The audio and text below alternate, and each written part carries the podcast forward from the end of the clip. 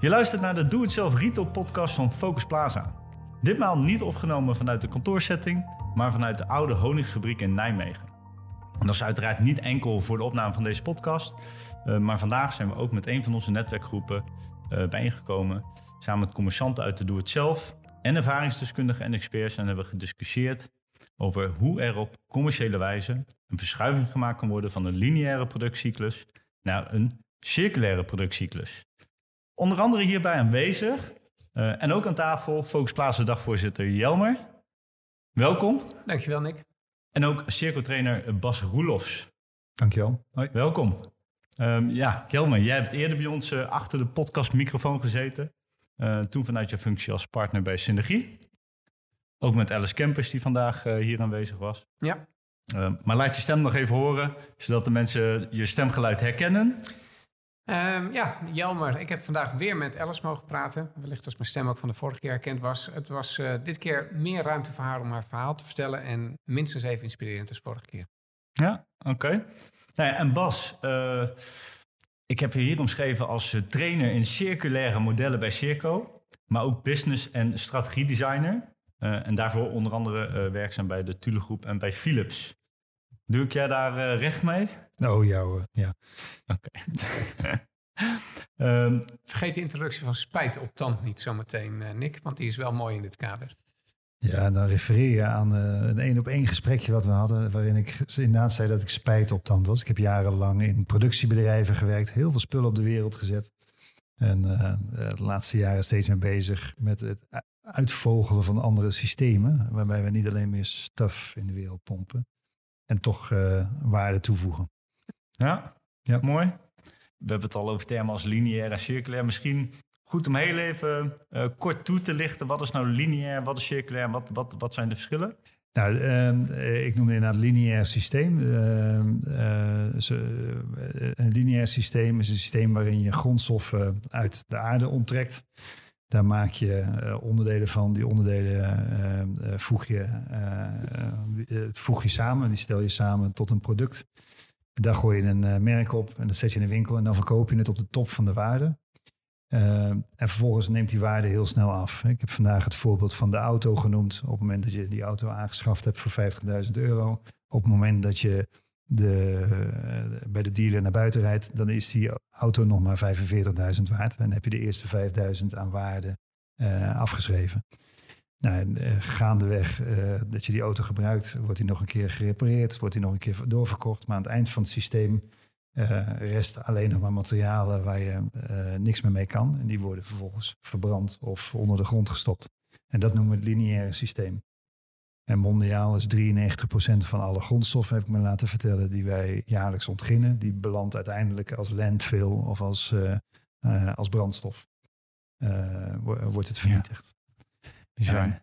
de kunst is om daar andere systemen voor te gaan zoeken, want ja, die 93% kunnen we niet volhouden. Hè. De grondstoffen raken gewoon op een gegeven moment op. En dat klinkt nog heel ver van ons bed. Maar er zijn al grondstoffen in beeld die de komende jaren echt al bijna niet meer te verkrijgen gaan zijn. Ja. Uh, dus, dus we moeten zoeken naar andere systemen en dat noemen we een circulair systeem. Ja, waarbij dus eigenlijk de, de grondstoffen probeert langer en op een hoger niveau uh, uh, in relatie te houden. Ja, klopt. Teken van urgentie, heren, want ook daarover is gesproken vandaag. Ja, waarom zou je moeten? Waar, waarom moeten we daar iets mee? Uh, Jelmer? Nou, ik vond dat dat was een eye-opener die in jouw verhaal zat, uh, Bas. Uh, in elk geval voor mij. En ik, ik, had het gevoel dat dat ook wel enorm uh, gebeurde bij de deelnemers. Wanneer er geen financiële prikkel is, wanneer het een, een of concrete urgentie die actueel is, en het is een gevoel van het gaat de komende jaren oplopen, dan blijft het een beetje een ongrijpbaar vraagstuk en ver van je bed. Dan is het moeilijk om om te schakelen in datgene wat je elke dag al doet en waar je elke dag mee bezig bent. En, en, en druk mee bent, trots mee bent, kopzorg over hebt. Maar het mooie voorbeeld wat je gaf over Auping, dat, dat Auping een circulaire matras heeft gemaakt en dat de overheid vervolgens heeft overgenomen nadat aangetoond was dat dat dus blijkbaar kon. Maar voor alle beddenfabrikanten dat zij in 2025, ik geloof 75 procent. Ja, zoiets. Ja, ja, ja, 75 procent van de, van de matrassen um, um, verwerkt moet kunnen worden, wat ze nu gewoon niet zijn. dan zie je opeens dat het niet eens jouw ambitie hoeft te zijn, maar als er maar één collega van je is die hier het initiatief voor neemt en de norm verandert, dan kan het opeens waanzinnig snel gaan. Ehm, en dat wachten eigenlijk geen optie meer is. Ehm, eh, je, je kan het doen en ermee aan de slag gaan. En dan is het gaaf, of het kan je overkomen zometeen en dan kan het opeens ook heel hard gaan.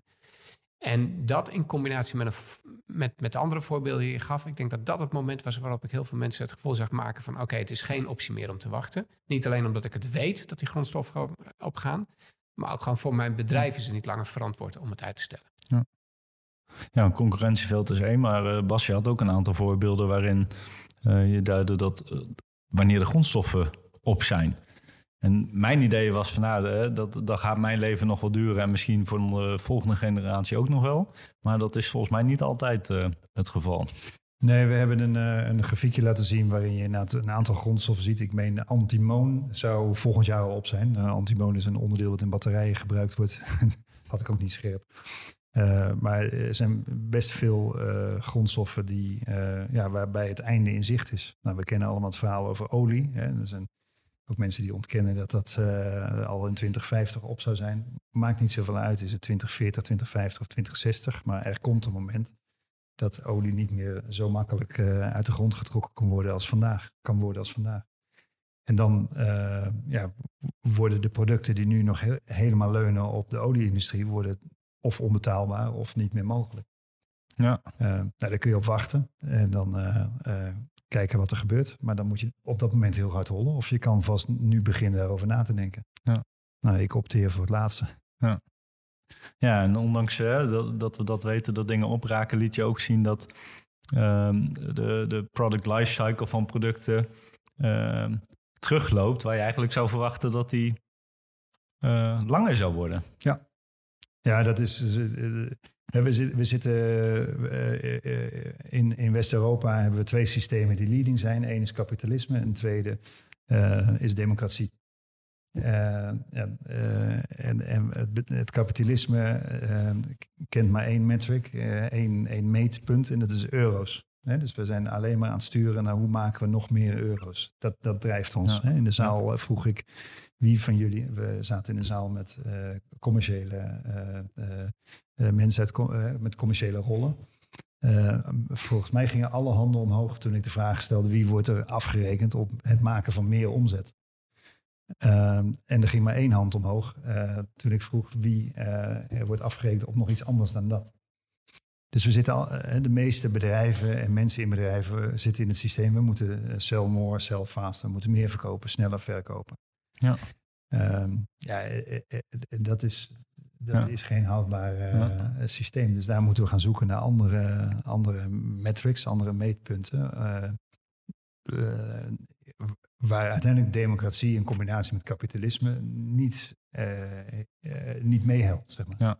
ja, en waar sell more, sell fast niet meer het motto is. Ja, ja. We moeten dus zoeken naar systemen waar je toch geld kunt verdienen, uh, maar in een, op een circulaire manier. En er zijn natuurlijk, uh, of er zijn gelukkig legio voorbeelden inmiddels van bedrijven die dat doen. Je noemde net al Auping, die heeft gewoon het gedaan. Die is een aantal jaar geleden begonnen met het zoeken naar een groot probleem, uh, omdat matrassen een belangrijke bijdrage leverden aan de afvalbergen in Nederland. En dat zal vast geen makkelijke route geweest zijn, ik ben daar niet bij geweest. Maar ze doen het. Ja. Ja, we hebben vandaag natuurlijk ook een aantal van dat soort uh, bedrijven uh, hier gehad. Jelmer, je bent de hele dag geweest. Je hebt uh, onder andere het gesprek van, van Alice meegekregen, de presentatie van Alice. We hebben een virtuele winkelrondleiding gehad. We hebben Belen Next gehad. wat is jou bijgebleven aan hun andere manier van werken? Niet dat Shell More, Shell Fast, niet dat kapitalistische systeem. Wat deden ze dan anders? Ik, ik, denk dat de kern erop neerkomt dat ze hun focus ergens anders hebben liggen. En de, dat wat je aandacht geeft, dat gaat leven. Um, bij um, Alice Campus is dat heel erg nadrukkelijk impact. Zij hebben dat echt 100% centraal. Ze zijn wat dat betreft is het goed ook echt 100% een impactorganisatie. Geld verdienen is daar niet het doel. Geld verdienen is een middel. en het doel is uiteindelijk zoveel mogelijk producten een tweede kans geven en zoveel mogelijk mensen een werkervarings hè, of een werkperspectief op werk bieden. En klanten bijmaken met de spullen die er al lang zijn, waar we geen nieuwe spullen voor hoeven te, te vinden. Dat is het doel en daar hebben ze permanente focus voor. Geld is een middel om dat te bereiken. En dat verandert wel zo'n beetje uh, alles. Um, en ook voor Axel is dat, uh, uh, was het perspectief wat hij heeft echt anders. Hij is, en dat vind ik gedurfd van, uh, van de Belengroep, ze hebben hem aangenomen in een nieuw bedrijf gezet, maar naast de bestaande business gezet. Ja. Niet in de business, want dan richt hij zich weer op de bestaande klanten, de bestaande vragen, het bestaande geld. En dan geld waarschijnlijk doorgaans onderaan de streep datgene waar iedereen zich op richt. Ja. Even voor de luisteraar, kan je kort toelichten? we hadden Belen op bezoek, Belen Next. Wat, wat doen zij precies? Bela Next is een um, traditioneel sloopbedrijf eigenlijk. Dat is waar ze hun wortelen hebben vinden. Het grootste sloopbedrijf van Nederland, um, zoals ze zichzelf typeren. En vanuit de sloop komen reststromen. En die zijn ze nu op waarde gaan maken. En ze zijn nu het grootste, uh, snelst groeiende circulaire bedrijf van Nederland. Of het recyclingbedrijf. Waarmee ze weer spullen op waarde terugbrengen. Um, naar de wereld. En dat, dat de Belen Next richt zich daarop. Dat is een ja. start-up naast de bestaande bedrijfsvoering die zich echt specifiek op dat, uh, dat vraagstuk richt. Ja. Ja, en, dan, een, en, dan, doet eigenlijk het woord slopen geen recht meer aan wat ze doen. Hè? Slopen nee. insinueert ook kapot maken. Uh, dus het wordt ook wel, eh, ze noemen zichzelf ook wel urban miners, volgens mij, waar ze meer uh, de gebouwen gaan zien als grondstoffenbanken. En dat, dat is Belenex dan inderdaad. Ja. En, en die gaan dan zo kijken. En dat is dan ook mooi wanneer je, dat is het perspectief van Belenex, wanneer je jezelf als urban miner ziet, geen andere dingen kijken. Traditionele bedrijf van Belen, wat nog een ander bedrijfsmodel heeft, dat, dat is misschien nog wel gewoon dat, dat sloop- en afvalverwerkingsbedrijf. En dat is goed, dat laat ook heel goed denk ik zien hoe je dit soort nieuwe modellen laat maken. Maar als je me vraagt over wat, wat is er anders aan die mensen, ze kijken daadwerkelijk naar andere dingen.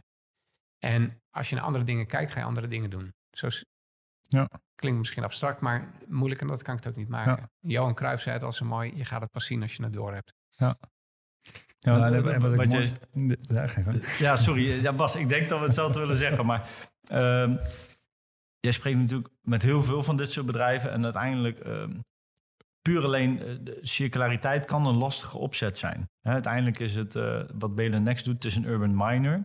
En het, het minen van die producten en het, het, het herverkoop van die producten aan zich is misschien een lastig businessmodel. Maar ze hebben het ook op een of andere manier geïntegreerd in hun andere businessmodel, waardoor het complete package wel interessant is. Nou, volgens mij zijn ze nog niet zo ver, maar ze hebben wel de ambitie om daar zo ver te komen.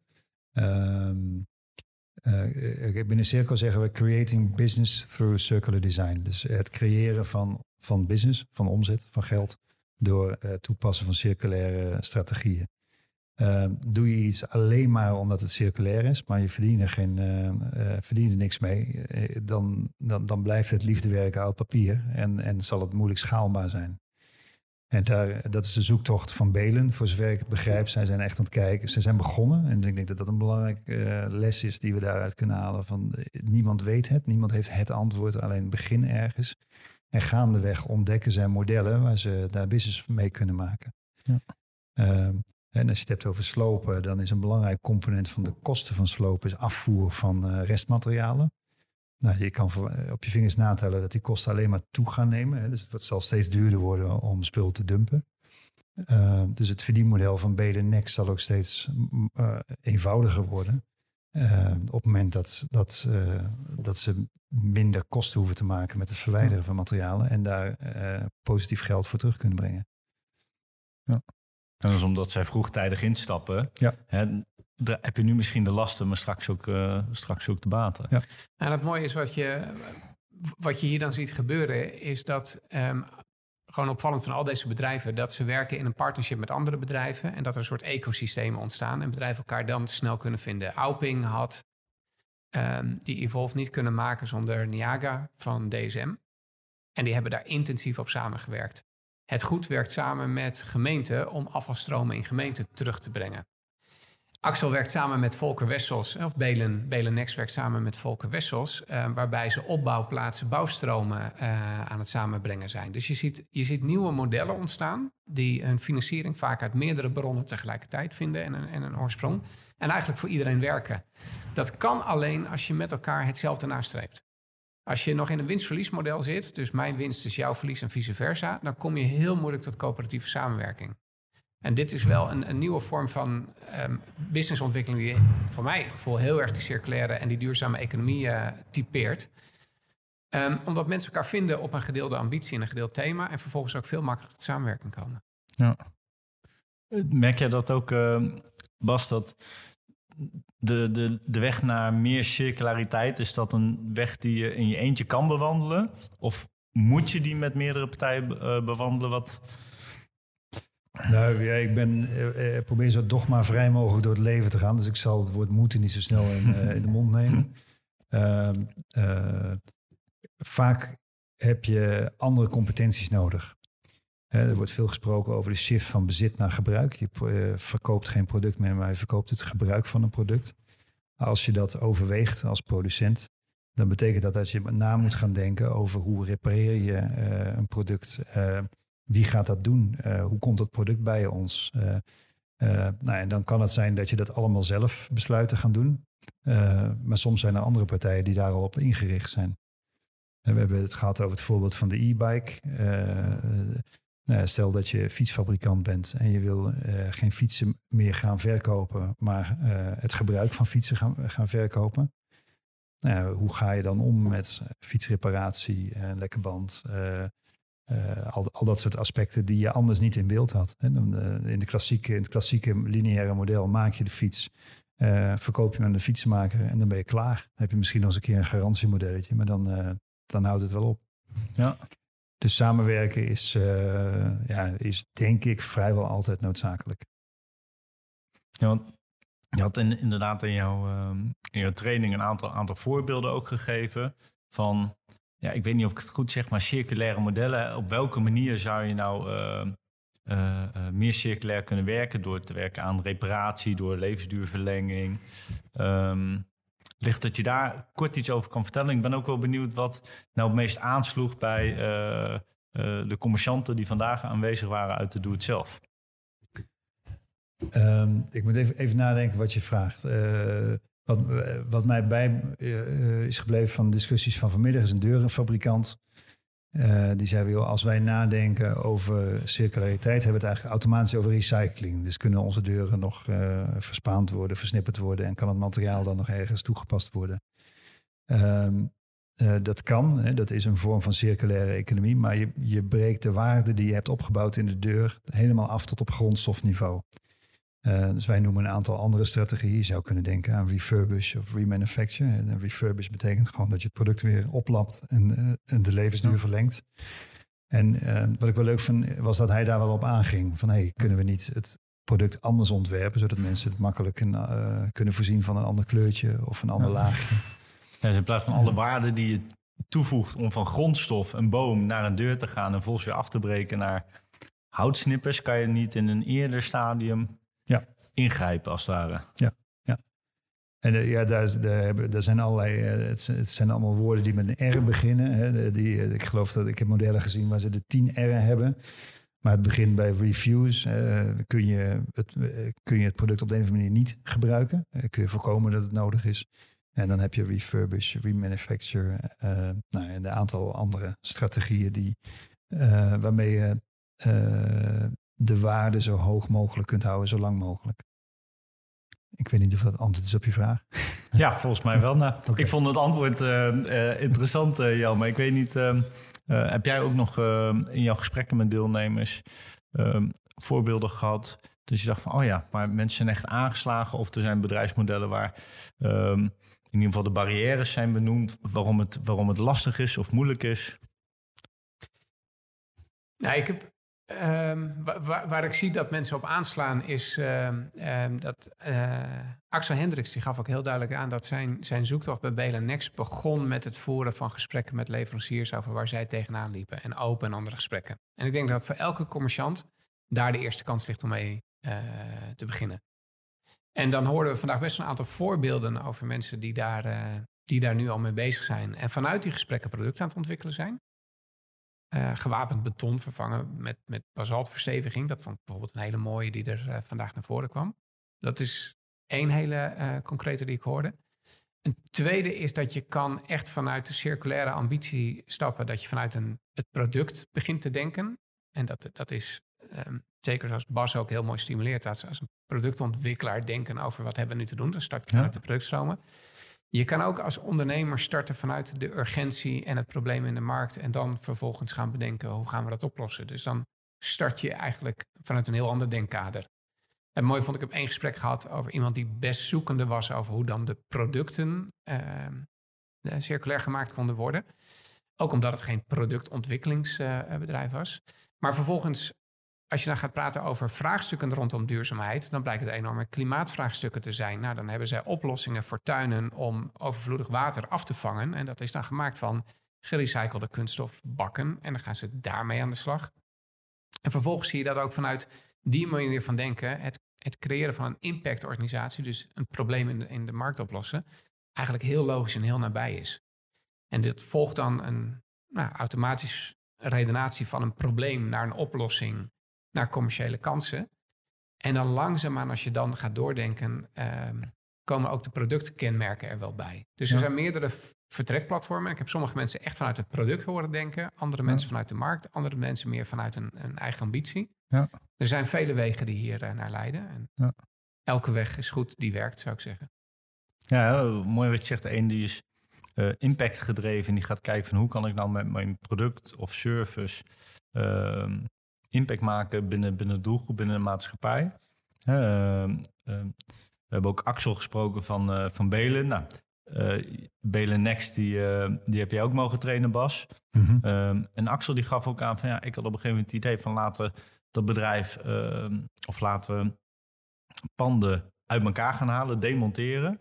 Komen deurbeslag komt eruit voort, isolatie komt eruit voort, houten balken komen eruit voort. En die gedachte is mooi, maar uiteindelijk zit hij nog met heel veel hang- en sluitwerk waar hij geen afzetkanaal voor heeft.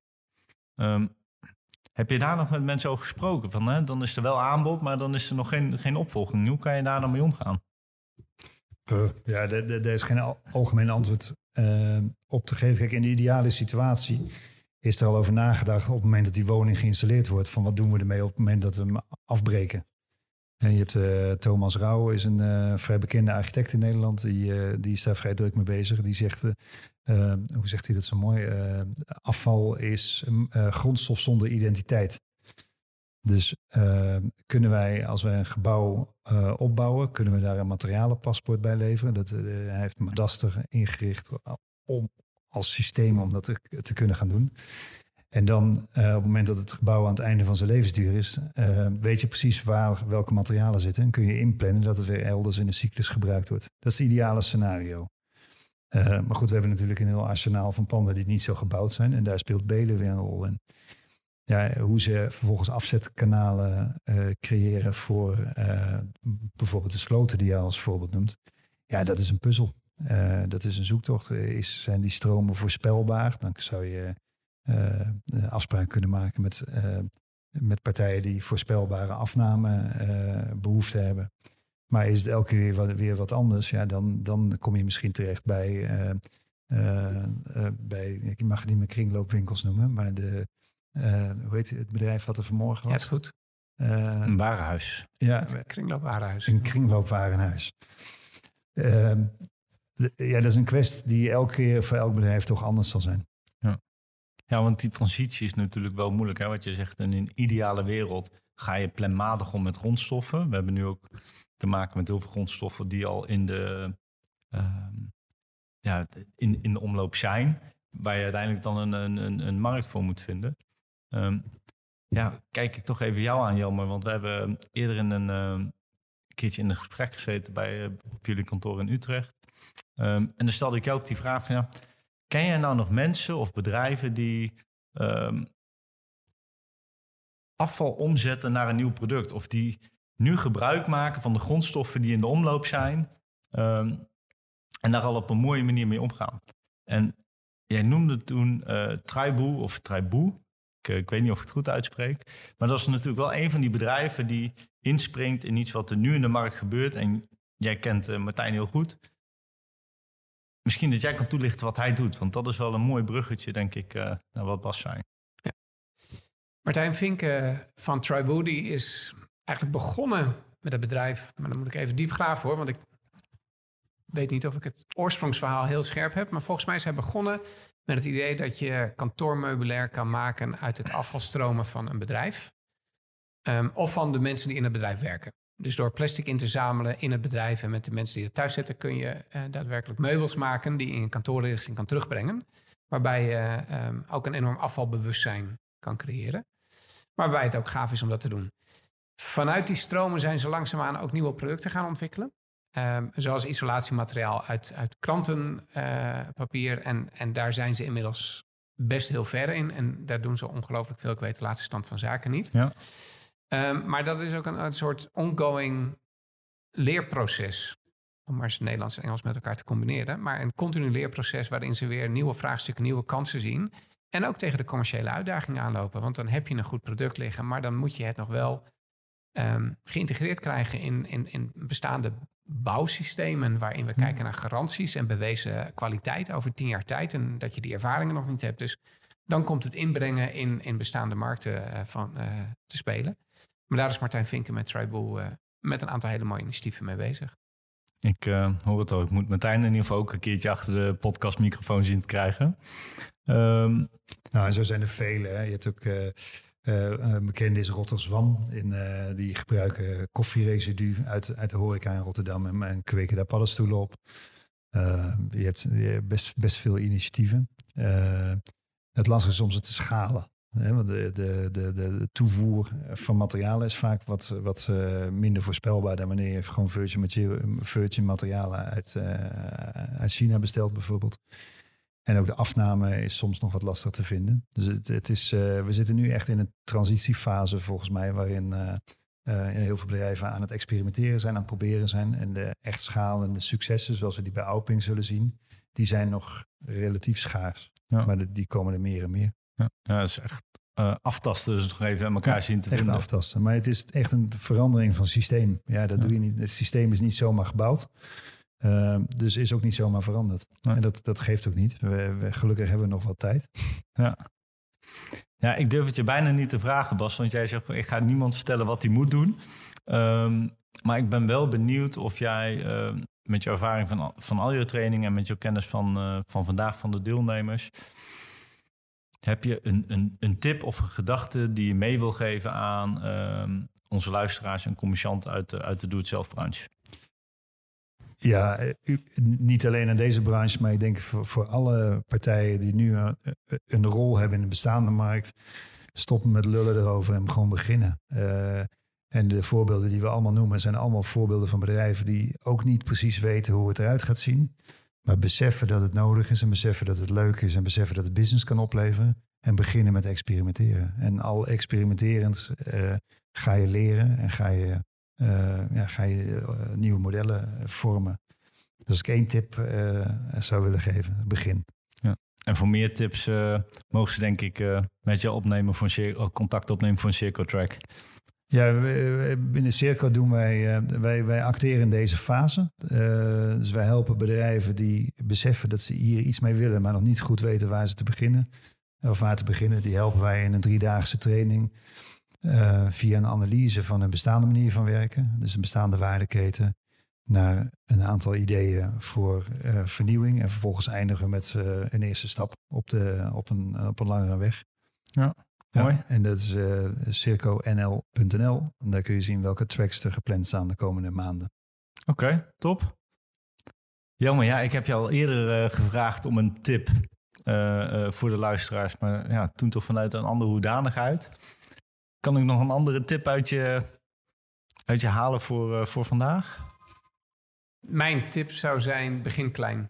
Begin klein en begin. Um, omdat, zoals Alice ook zo mooi zei, en dat vond ik mooi in de, in de reacties van de mensen op het verhaal van Alice. Je, mensen gaven echt aan dat ze haar inspiratie voelden.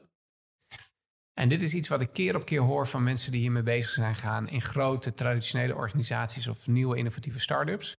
Wanneer mensen één keer met dit soort projecten beginnen te starten, dan komt de energie los. En ja. die tractie die daarop zit, um, die zet heel veel mensen in beweging. Um, zoek hem op en onthoud hem jezelf niet. Ja, Ja, dankjewel. Ja, ook tijdens de uh, Do-It-Zelf uh, Summer School van Focus Plaza begin december hebben we dit uh, topic bij Kop en Kont gehad. waarbij in ieder geval de, de bestuurders binnen Do-It-Zelf zeiden van ja, duurzaamheid, circulariteit, hoe je het ook noemt, ehm, we kunnen er niet meer onderuit. En de vraag is ook niet wanneer, maar de vraag is wel hoe en wie gaat ons daarbij helpen. Um, dus voor een ieder die luistert, wie de schoen past, trekt hem aan. Jelmer Bas, mag ik jullie heel erg bedanken voor jullie bijdrage gedurende de hele dag. Maar hè, op dit moment ook uh, met name voor jullie inzichten tijdens de podcast. Uh, voor de luisteraars, bedankt voor het luisteren. En ik hoop jullie heel graag uh, over drie weken weer terug te zien. graag tot dan.